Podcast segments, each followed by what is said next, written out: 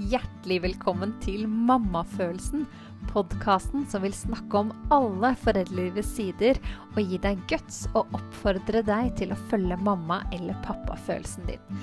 Jeg heter Kristina, jeg er pedagog og mamma til to gutter, og i januar 2022 ble jeg litt overraskende gravid med barn nummer tre.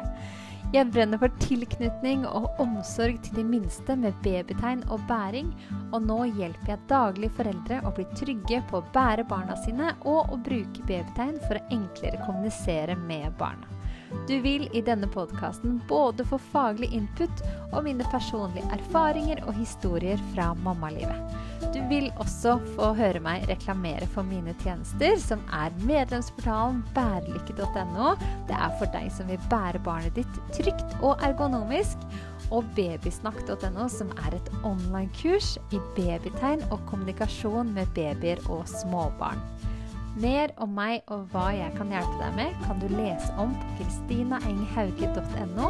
Og det er veldig gøy om du deler at du hører på mammafølelsen i sosiale medier. Og tagg meg sånn at jeg kan si hei til deg. Her kommer dagens episode. Enjoy!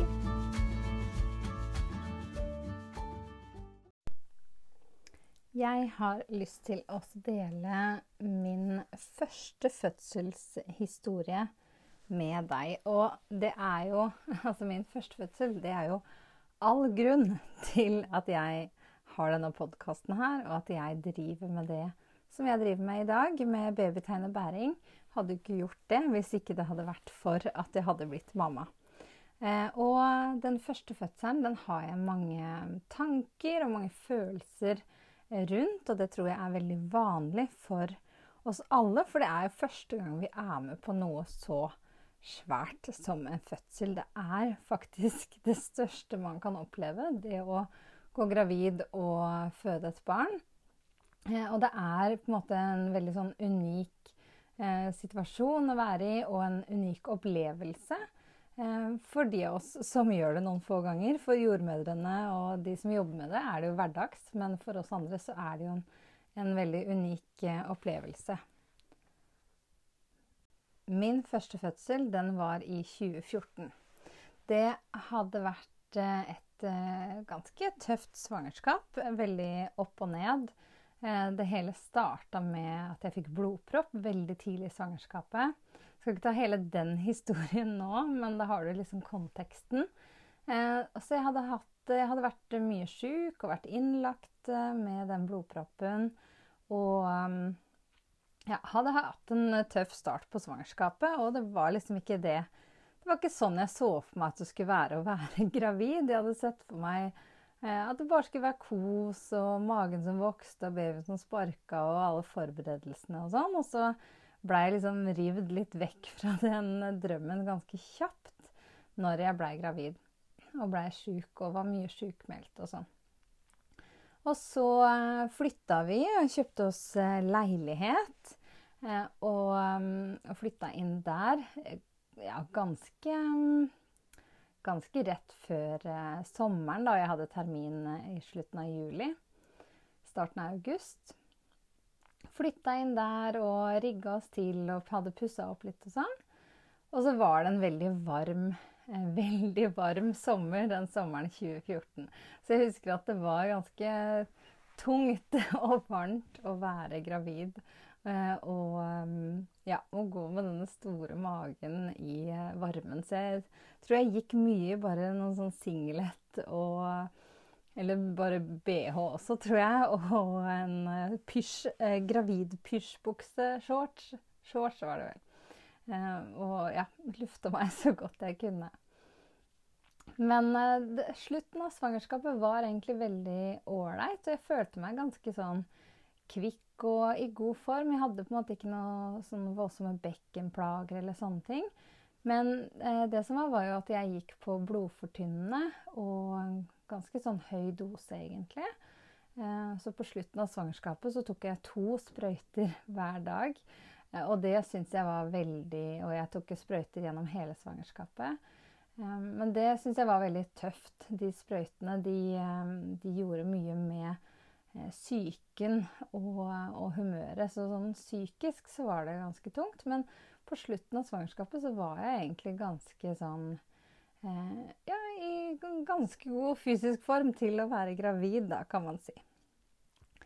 Og så hadde jeg termin i starten av august, var det vel jeg hadde. Men den natta til den 29. juli så, så hadde jeg og mannen lagt oss altfor seint, sånn som vi pleier. Um, og lagt oss til å sove.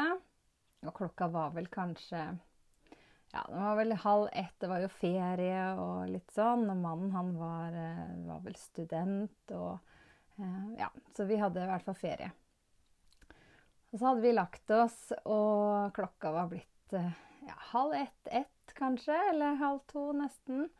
Um, vi hadde lagt oss litt før det, altså. Men i hvert fall i, i halv ett-ett-tida. Så hører både han og jeg et sånt Det var akkurat, akkurat litt sånn lyd. Sånn knepp. Et lite knepp fra magen, eller fra meg. Eh, og så var jeg litt sånn Oi, hva var det? Og så liksom romsterte det litt rundt i magen. Og så kjenner jeg vel at jeg må på do eller et eller annet. Og, og setter meg opp i senga, og så skjønner jeg at nå tror jeg vannet gikk. Og det var ikke sånn eh, foss, sånn som eh, man kanskje ser på, på TV, eller jeg hører andre også som opplever at vannet går, og så er det liksom bare fosse ut. Men det var ikke sånn. Det var, det var litt mer sånn sakte rennende, kanskje. Og hele den eh, dagen Eh, så hadde jeg også, eller ikke hele den dagen, men, men, den kvelden, så hadde jeg også vært veldig Ok, her kommer det detaljer. Du hører på en fødselshistorie, så, så vær forberedt på at det kommer, kommer intime detaljer. Hvis du er i nær familie med meg, så trenger du ikke å høre på det her. Og hvis du er gravid, så må jeg bare si det nå og på forhånd at uh, det her endte som en litt sånn traumatisk fødsel for min del. Eh, så hvis du er gravid og litt sånn sensitiv på det, så kanskje ikke du skal høre den. Men til slutt, før jeg går videre med fødselshistorien, må jeg bare si det her. Men helt til slutt så vil jeg dele noen For jeg har veldig mye tanker om hva som kunne vært annerledes i denne fødselen. Eh, så kanskje det allikevel er nyttig for deg som er eh, gravid og skal føde, å høre litt hva jeg tenker, og hva jeg som gravid kunne ha gjort eh, annerledes, eller kunne ha forberedt meg annerledes for at min fødselsopplevelse skulle bli bedre enn det den var. Så jeg kommer til det også, OK? I hvert fall så hadde jeg den kvelden gått og vært ganske sånn løs i magen. Eh, så tarmen hadde tømt seg ganske greit. Og det er jo også et eh, tegn på at man er i fødsel. Det at at man kan bli litt løs i magen, og tarmen ordner opp sjøl. Så da trenger man jo ikke noe, noe klyster eller sånn når man kommer til fødestua nødvendigvis. Eh, og så hadde jeg hatt litt sånn eh, tegningsblødning, eller litt sånn rosa utflod. Så jeg ante vel kanskje at det var noe på gang. Men så var det det, det klikket og det vannet som, som gikk som var på en måte OK, nå er vi i gang. Nå er vi i gang og føder. Og det var jo noen dager før termin. Eh, og jeg hadde jo vært forberedt på at man som førstegangsfødende gjerne går litt over termindatoen. Eh, og nå så kjenner jeg jo veldig at eh, nå er jeg jo gravid med barn nummer tre. Og kjenner at jeg forholder meg veldig lite til den datoen, egentlig. Eh, det er jo bare en pekepinn. Som førstegangsgravid så hang jeg meg veldig opp i den datoen. Um, så, så, det var litt sånn overraskende at det hadde starta eh, før, før uh, termindatoen. Og det som skjedde akkurat da, det er noe, kanskje noe av det mest komiske med den fødselen, sånn som jeg husker det i hvert fall. Det er at da fikk jeg skikkelig sånn um, Jeg fikk veldig sånn amerikansk filmfølelse. Fordi vi ringte jo da føden.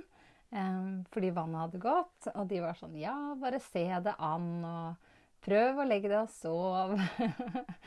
og, og, så sier du fra hvis det, Og så ringer du i morgen hvis ikke det har skjedd noe, liksom. Eller sånn. Det kommer på kontroll i morgen.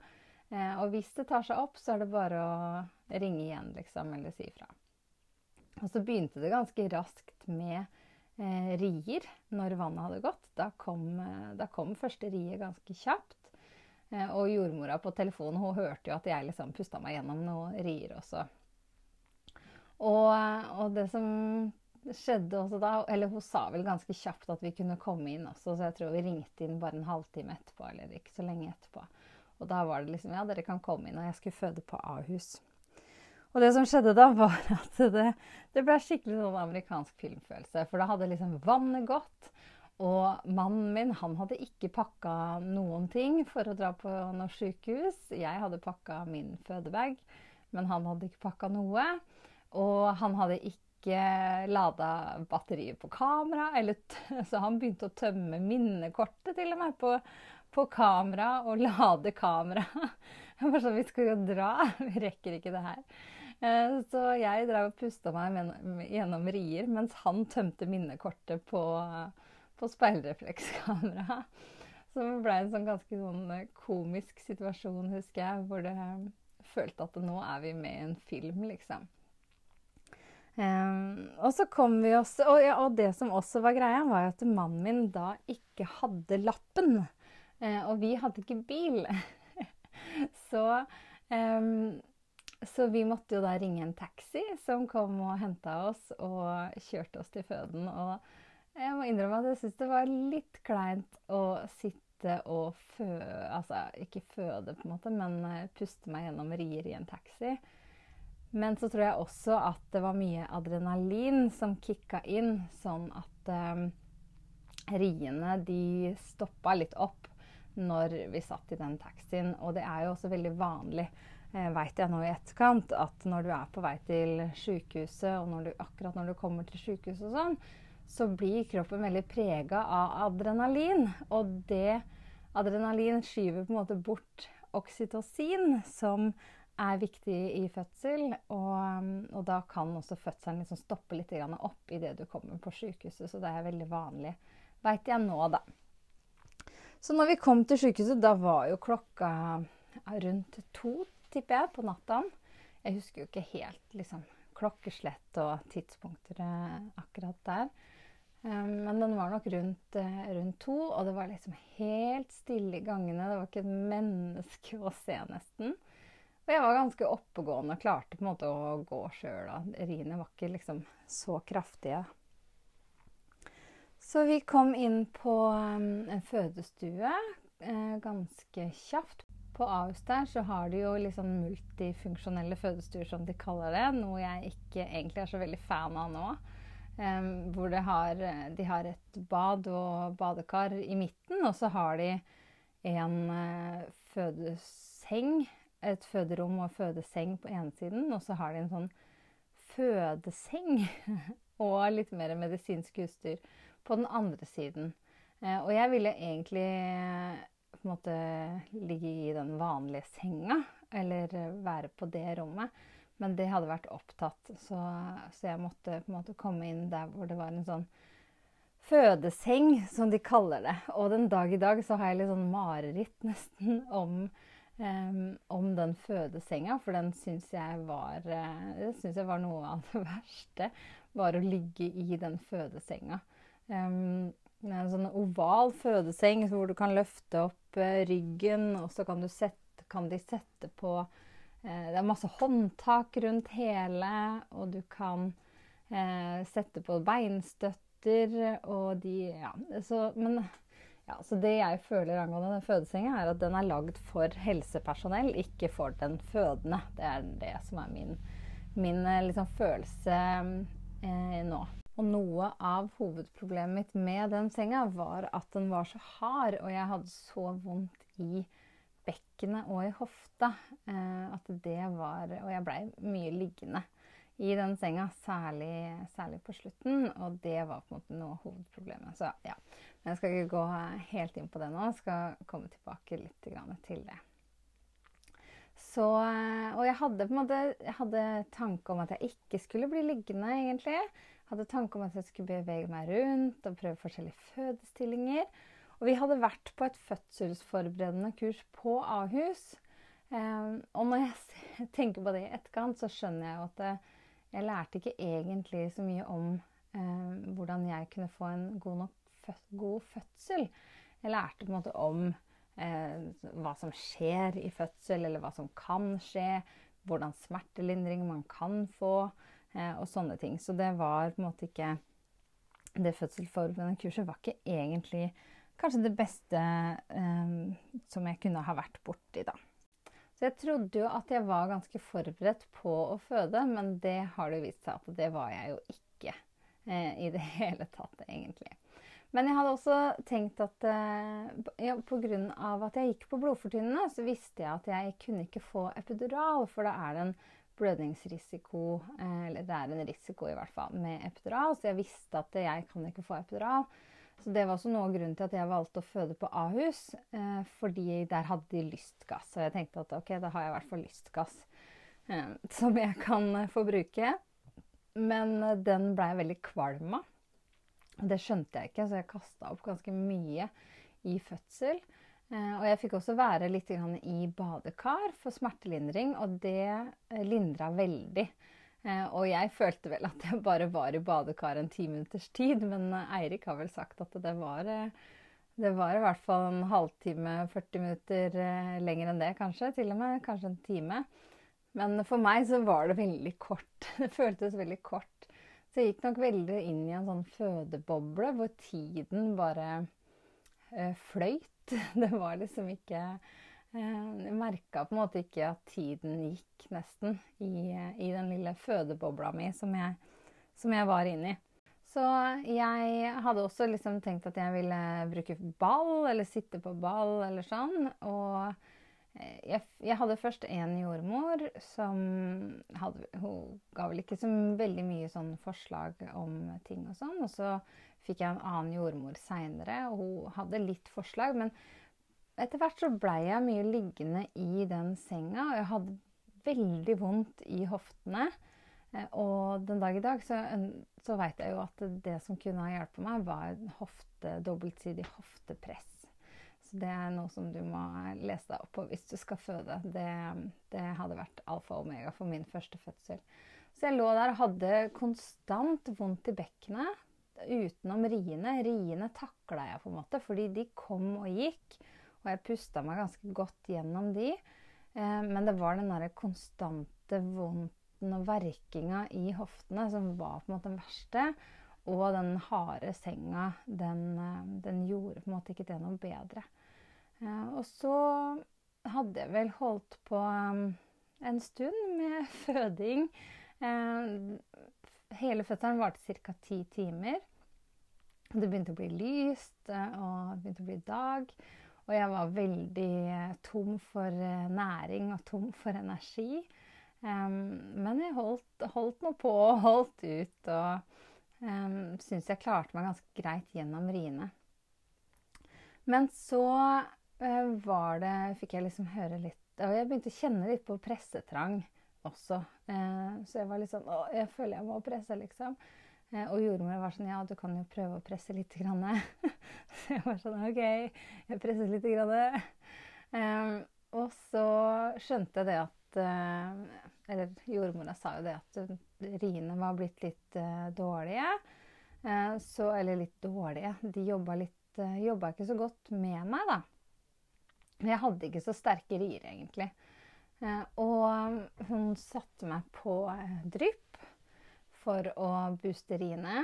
Og, og, jeg skulle fortsette å presse litt. Men det som skjedde, var at han Det her er jo da Leon, min eldste sønn, som ble født. Og han kom på en måte ned, men så sklei han liksom opp igjen når jeg slutta å presse.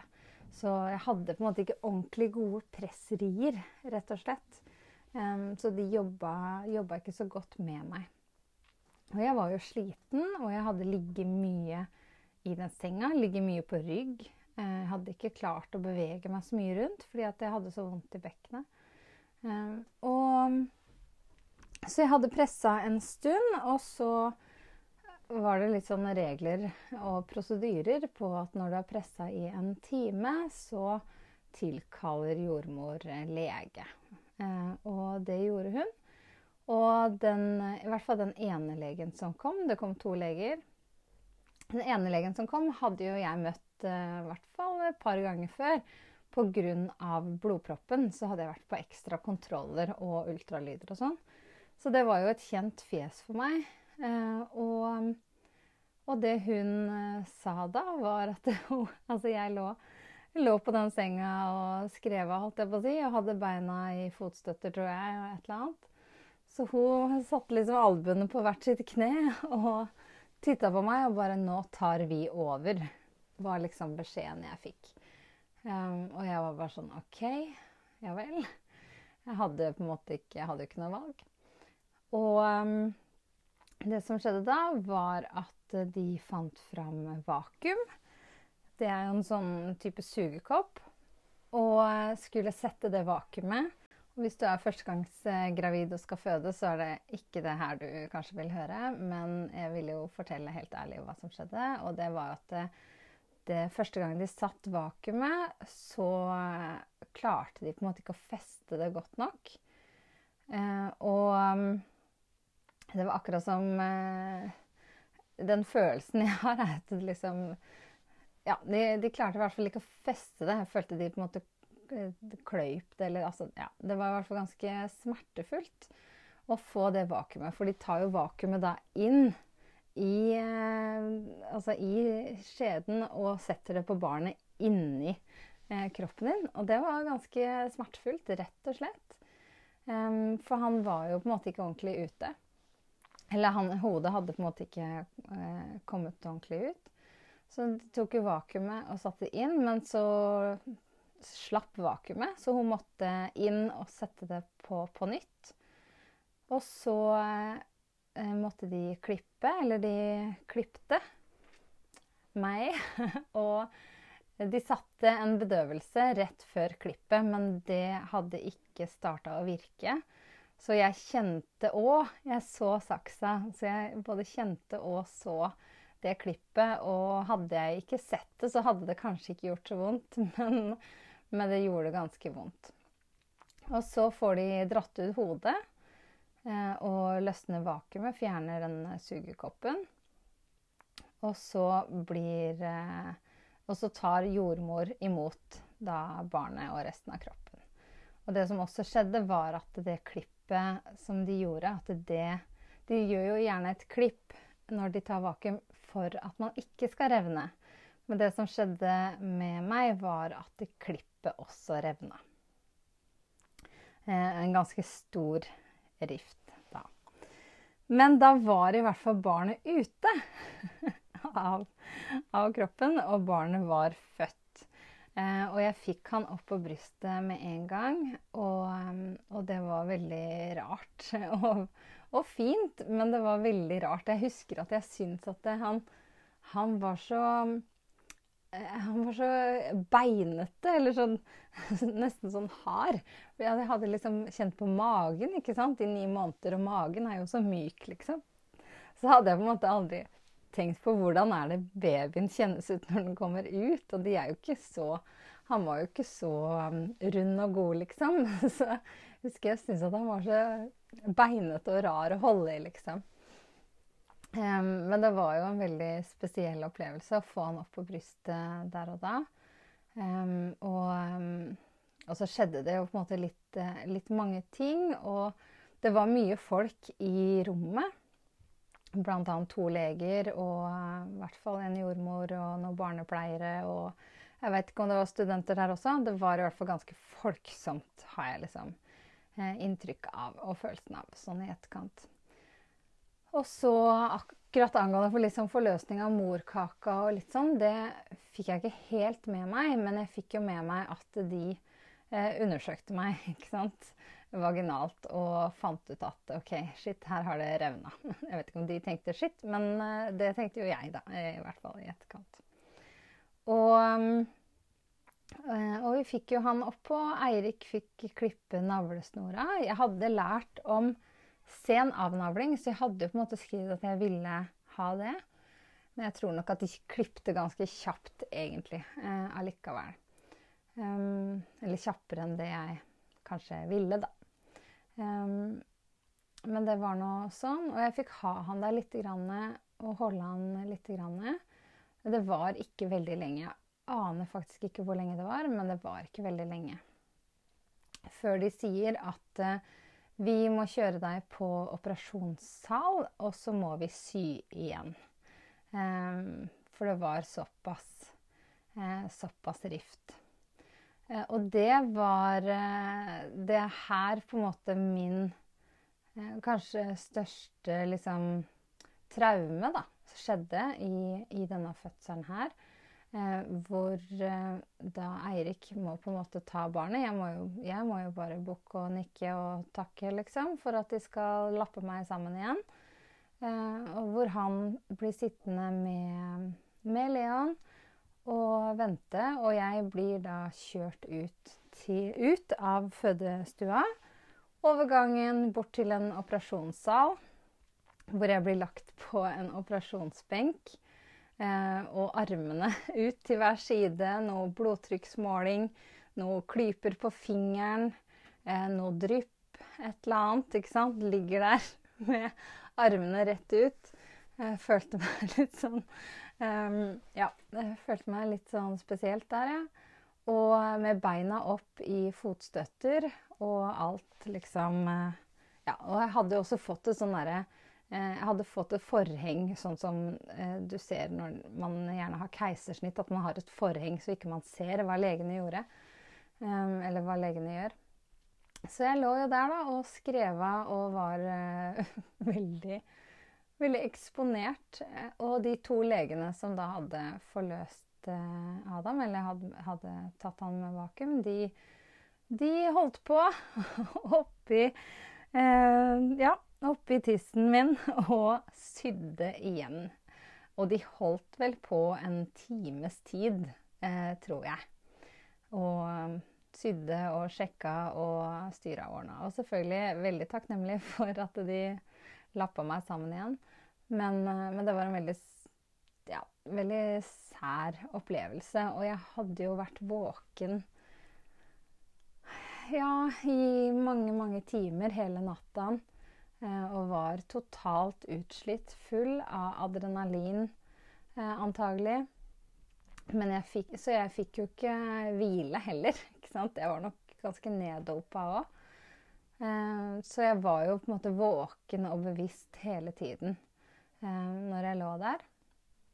En ganske sånn rar opplevelse. Og jeg var litt sånn Kan jeg få noe å drikke? Jeg var, liksom, jeg var helt uttørsta. Så det eneste jeg fikk, var liksom litt vann på en svamp på en pinne som de liksom, eh, liksom tok på leppene mine, da. For å liksom bare hvete leppene litt. Grann. Jeg, sånn, jeg, ville, jeg kunne drikke en liter vann sikkert, egentlig. Så det, det, var en veldig merkelig opplevelse. Eller merkelig Ja, det føltes veldig merkelig ut der og da. Så da de endelig hadde lappa meg ordentlig sammen, så blir jeg lagt på en sykeseng igjen.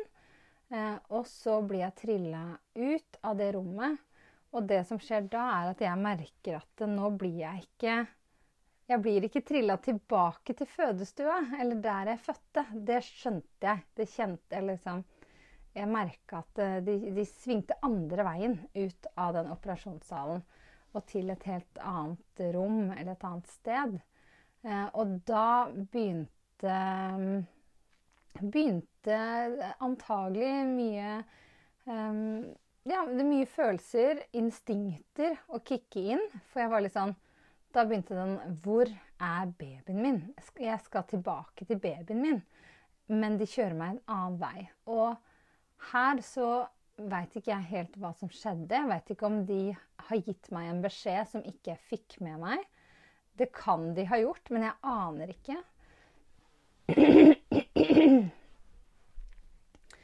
Jeg aner rett og slett ikke om jeg fikk beskjed om at jeg skulle på obs-post. Og det var jo ikke noe jeg tenkte at eh, Eller observasjonspost, fordi eh, det glemte jeg å si, at jeg fikk eh, Da hadde det gått såpass lang tid at jeg fikk spinalbedøvelse før den operasjonen, så jeg slapp å bli lagt i narkose. Um, men da hadde det gått såpass lang tid fra jeg tok siste blodfortynnende sprøyte, at de kunne legge meg i, eller gi meg spinalbedøvelse. Så jeg var jo på en måte lamma i beina. Um, men jeg skjønte ikke av meg sjøl at jeg skulle på en obs-post. Eh, jeg tenkte at jeg ble kjørt tilbake til mann og barn. Og det gjorde jeg ikke. Så når jeg kom på Obs-posten der, der var det jo masse forhenger og folk eh, andre som lå der bak de forhengene. Og jeg ble kjørt til en uh, sykepleier, regner jeg med at hun var, som skulle ta seg av meg eh, bak et forheng. Og der lå det jo andre ved siden av. Jeg hørte at det var litt sånn snakking og sånn fra de andre. Eh, og det som skjer da, er at jeg har skjønt i etterkant at jeg fikk et slags panikkanfall. Eh, hvor hele kroppen begynner å riste. jeg hadde null kontroll. Um, og, um, og, det som utløste, var nok at hun, hun sykepleieren var liksom 'Har du født, du, da?' Og 'gratulerer', liksom. Og, um, og så tror jeg hun spurte et eller annet om hvor stor han var, eller noe sånt. Og så gikk det liksom opp for meg at det eneste jeg veit om barnet mitt, er at det er en gutt. Og det visste jeg jo fra før av. Eh, så det blei veldig sånn Jeg veit ingenting om barnet mitt. Jeg vet ikke hvor stor han er. Jeg vet ikke hvilke klokkeslett jeg fødte.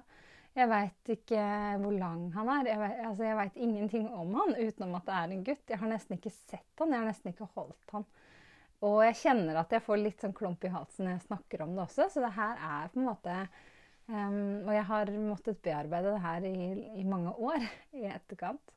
Um, for det var en veldig Altså det å føde, det er så mye hormoner. Det er så mye instinkter, det er så mye følelser, og både fysisk og psykisk, i sving. Det er så sterke krefter som bor i kroppen vår.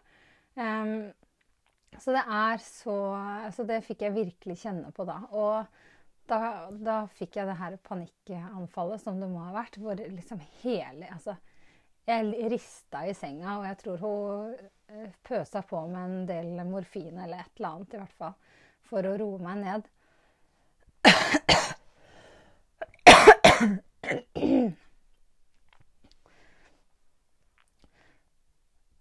Så, og det funka jo antagelig, for jeg, jeg, klarte på en måte å roe meg ned. Men uh, hun skjønte jo at hun måtte um, Hun var litt sånn Skal vi hente Skal jeg be de sende ned mann og barn, liksom? Det var bare sånn Ja, selvfølgelig skal du gjøre det. Um, og hun, hun vaska meg jo litt. Jeg var jo litt blodig på magen fortsatt etter at jeg hadde hatt uh, Leon på magen, da, som kom rett fra, kom rett fra fødselskanalen, liksom. Så hun vaska meg litt, og jeg lå jo der og var. Jeg var helt sånn uh, Ja, jeg var jo helt uh, lamma, da, fra, fra livet og ned. Uh, og så da tok det ikke veldig lang tid før Eirik og kom ned eh, med Leon også.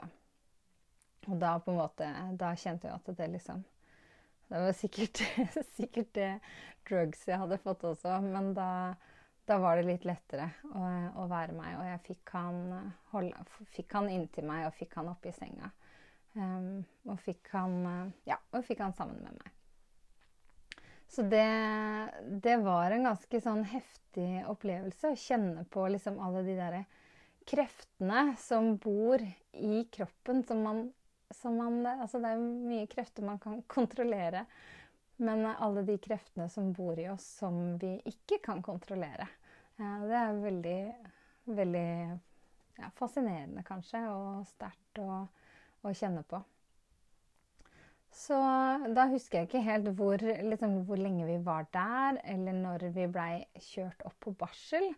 Men jeg måtte jo da være på barselavdelingen, og ikke, fikk ikke komme på barselhotellet den første natta. Eh, så vi blei kjørt opp på barselavdelingen, og der var jeg vel på et tomannsrom, men vi var aleine den første perioden, i hvert fall sånn som jeg husker det.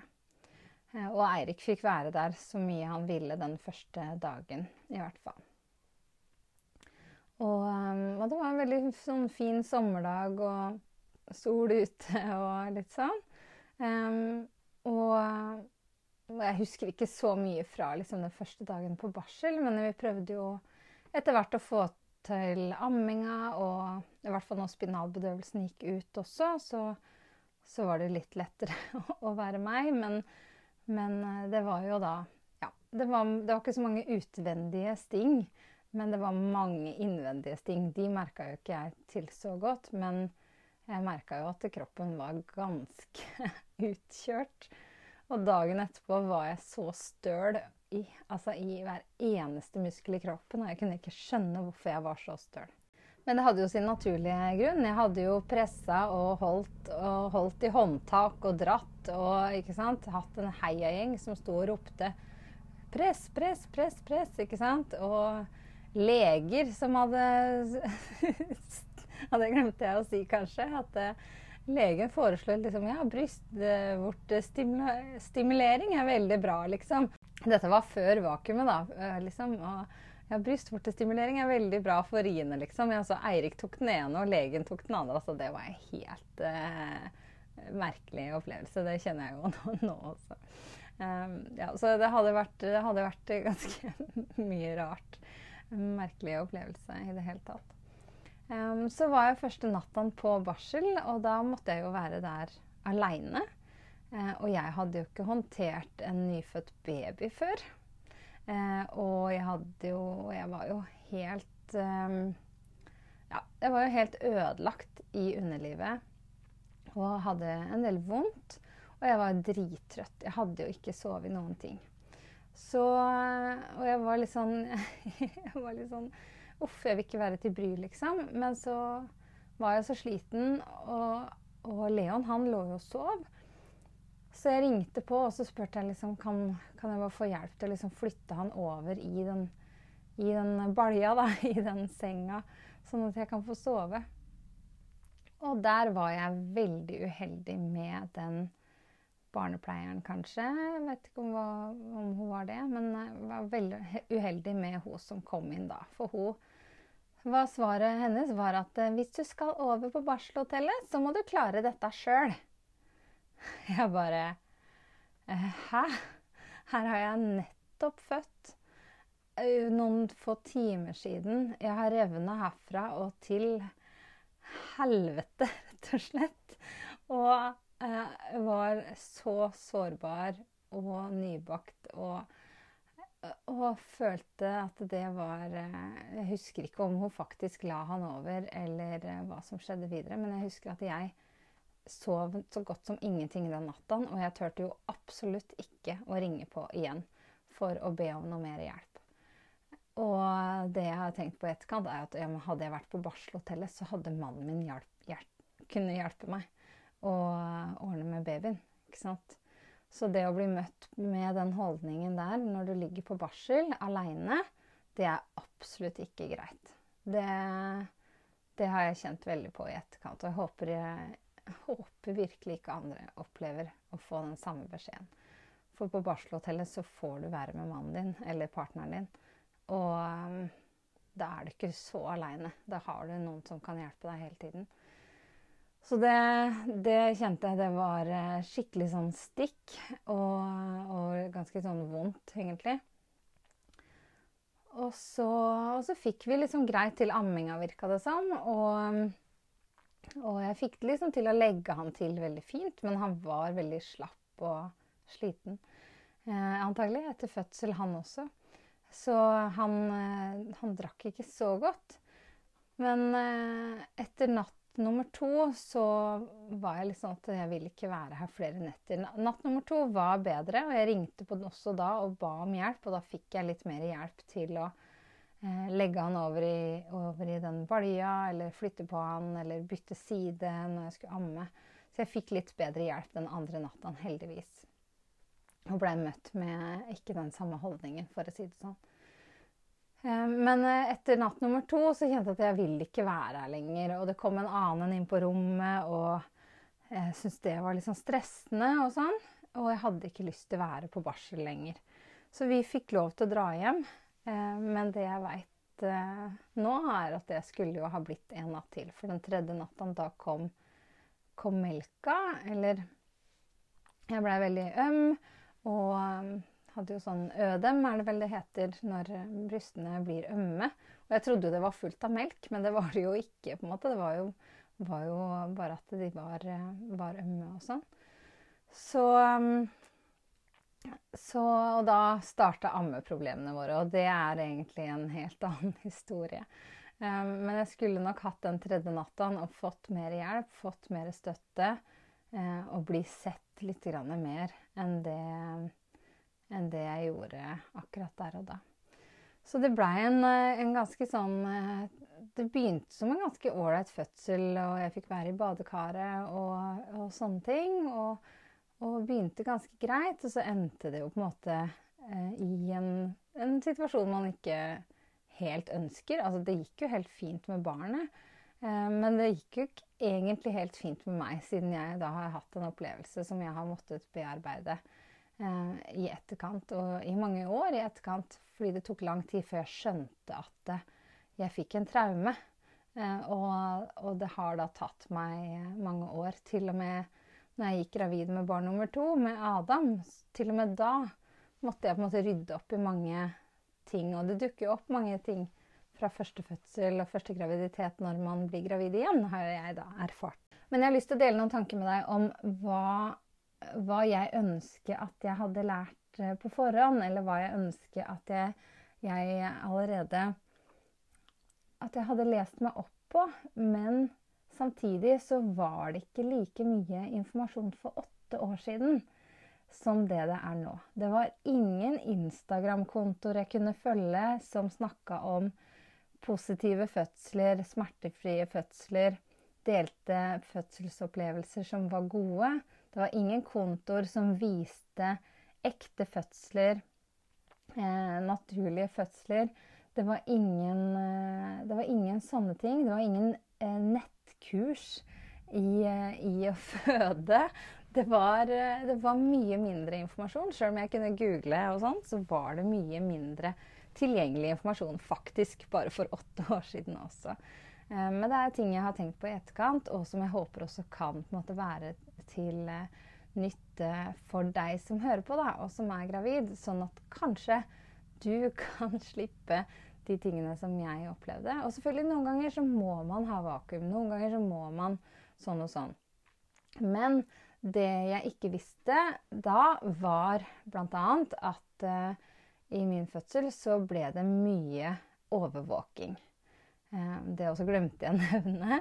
Men jeg blei mye liggende i den senga også fordi at jeg blei overvåka, og barnet blei overvåka med disse her um, eh, CT-overvåkinga. Eh, eller disse, ja, disse beltene og sånn på magen. Og da blei jeg mye liggende i den senga. Da kom jeg meg ikke så mye opp. Og det jeg veit nå, er at eh, vi hadde ikke egentlig trengt den overvåkinga. Jeg kunne ha sagt nei. Ikke, det var ikke egentlig Utenom at jeg hadde hatt blodpropp og gikk på blodfortynnende, så var det ikke noe feil med barnet. Det var ikke noe andre feil med meg heller. Jeg var ikke egentlig en veldig stor risiko. Jeg hadde en litt større risiko for blødning. Men, men, utenom det så var det ikke egentlig noen store risikofaktorer for meg eller barnet mitt. Så jeg kunne ha sagt nei til den overvåkinga, og på den måten vært mer fri i fødsel til å bevege meg rundt eh, og til å Eh, ja, og til å være rundt. Og hadde jeg også visst, den, visst om dobbel hoftepress, så skulle mannen min virkelig få trent seg på å, å presse Og det tror jeg bare du må google, sånn, jeg vet ikke om jeg forklarer det, men det er jo at partneren eller jordmor eller hvem som helst holder på hver sin side av hoftene og presser mot hverandre. Presser hoftene dine sammen. Eh, og det veit jeg hadde gjort en enorm forskjell for mine smerter i fødsel. Eh, og, og, også det her med når legene sier det at eh, nå tar vi over. Nå tar vi barnet ut med vakuum. Jeg veit nå at jeg kunne ha sagt Jeg kunne ha eh, stoppa opp og bare OK, hvorfor det? Er det helt livsnødvendig?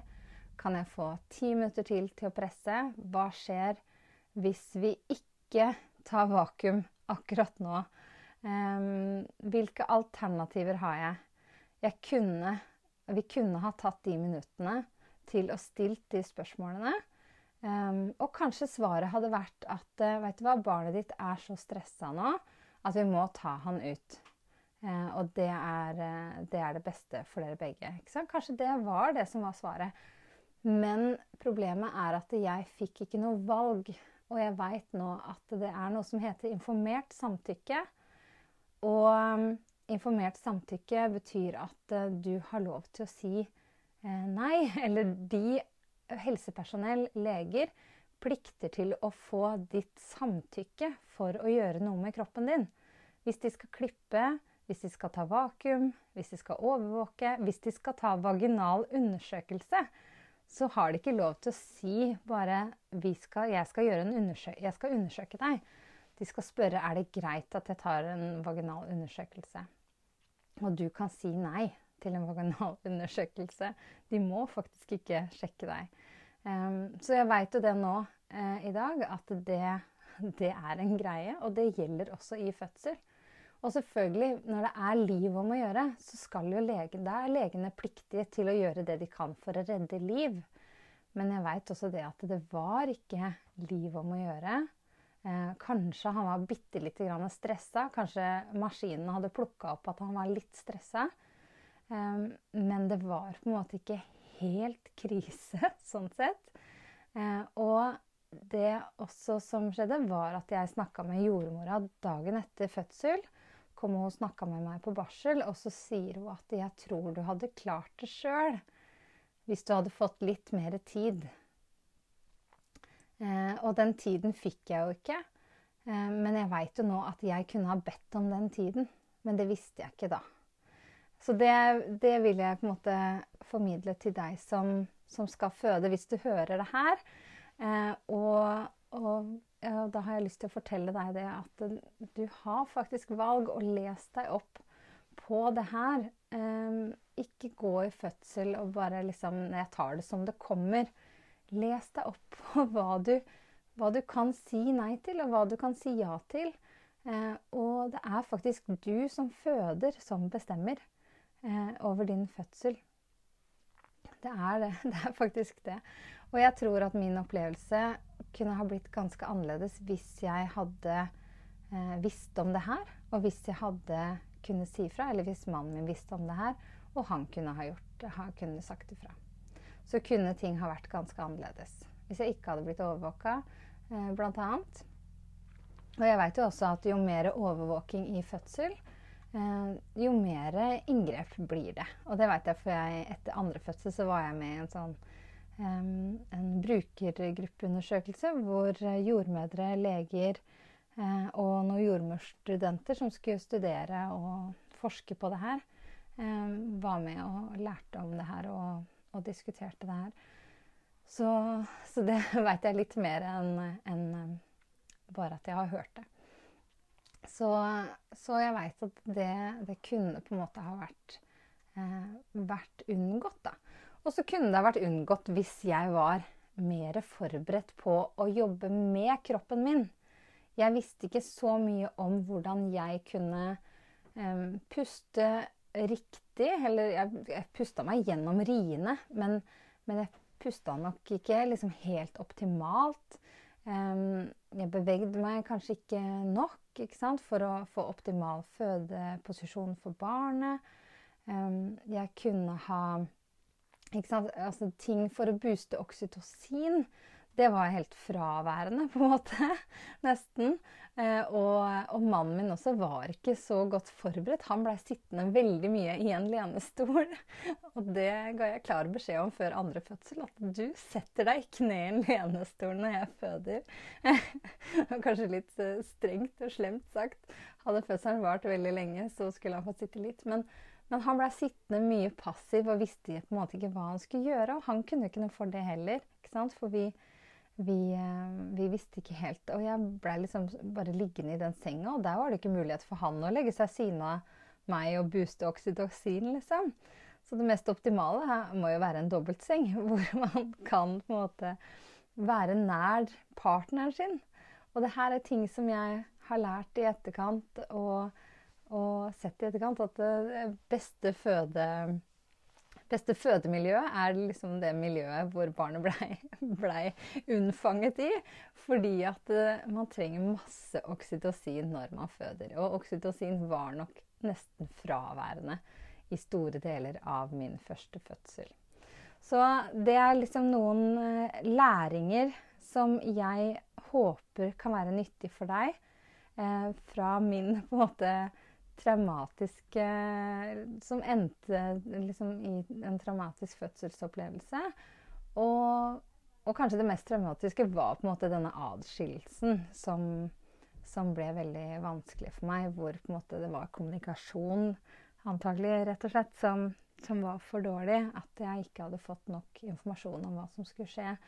Så, så det var jo på en måte en annen del av det. Men jeg håper da at eh, min Selv om min fødselsopplevelse var ganske tøff der og da, og jeg har slitt med det i mange år etterpå, så håper jeg at det kan være litt nyttig for deg som, som hører dette her. Eh, og jeg håper virkelig ikke at du blir skremt. For jeg har jo da født et barn til i etterkant og er gravid igjen. Så jeg har jo valgt å gjøre det igjen sjøl om jeg hadde en dårlig opplevelse. Og jeg veit at det er mange der ute som har mye eh, vondere fødselsopplevelser enn meg eh, også. Men jeg håper at det på en merkelig måte kan være til inspirasjon, da.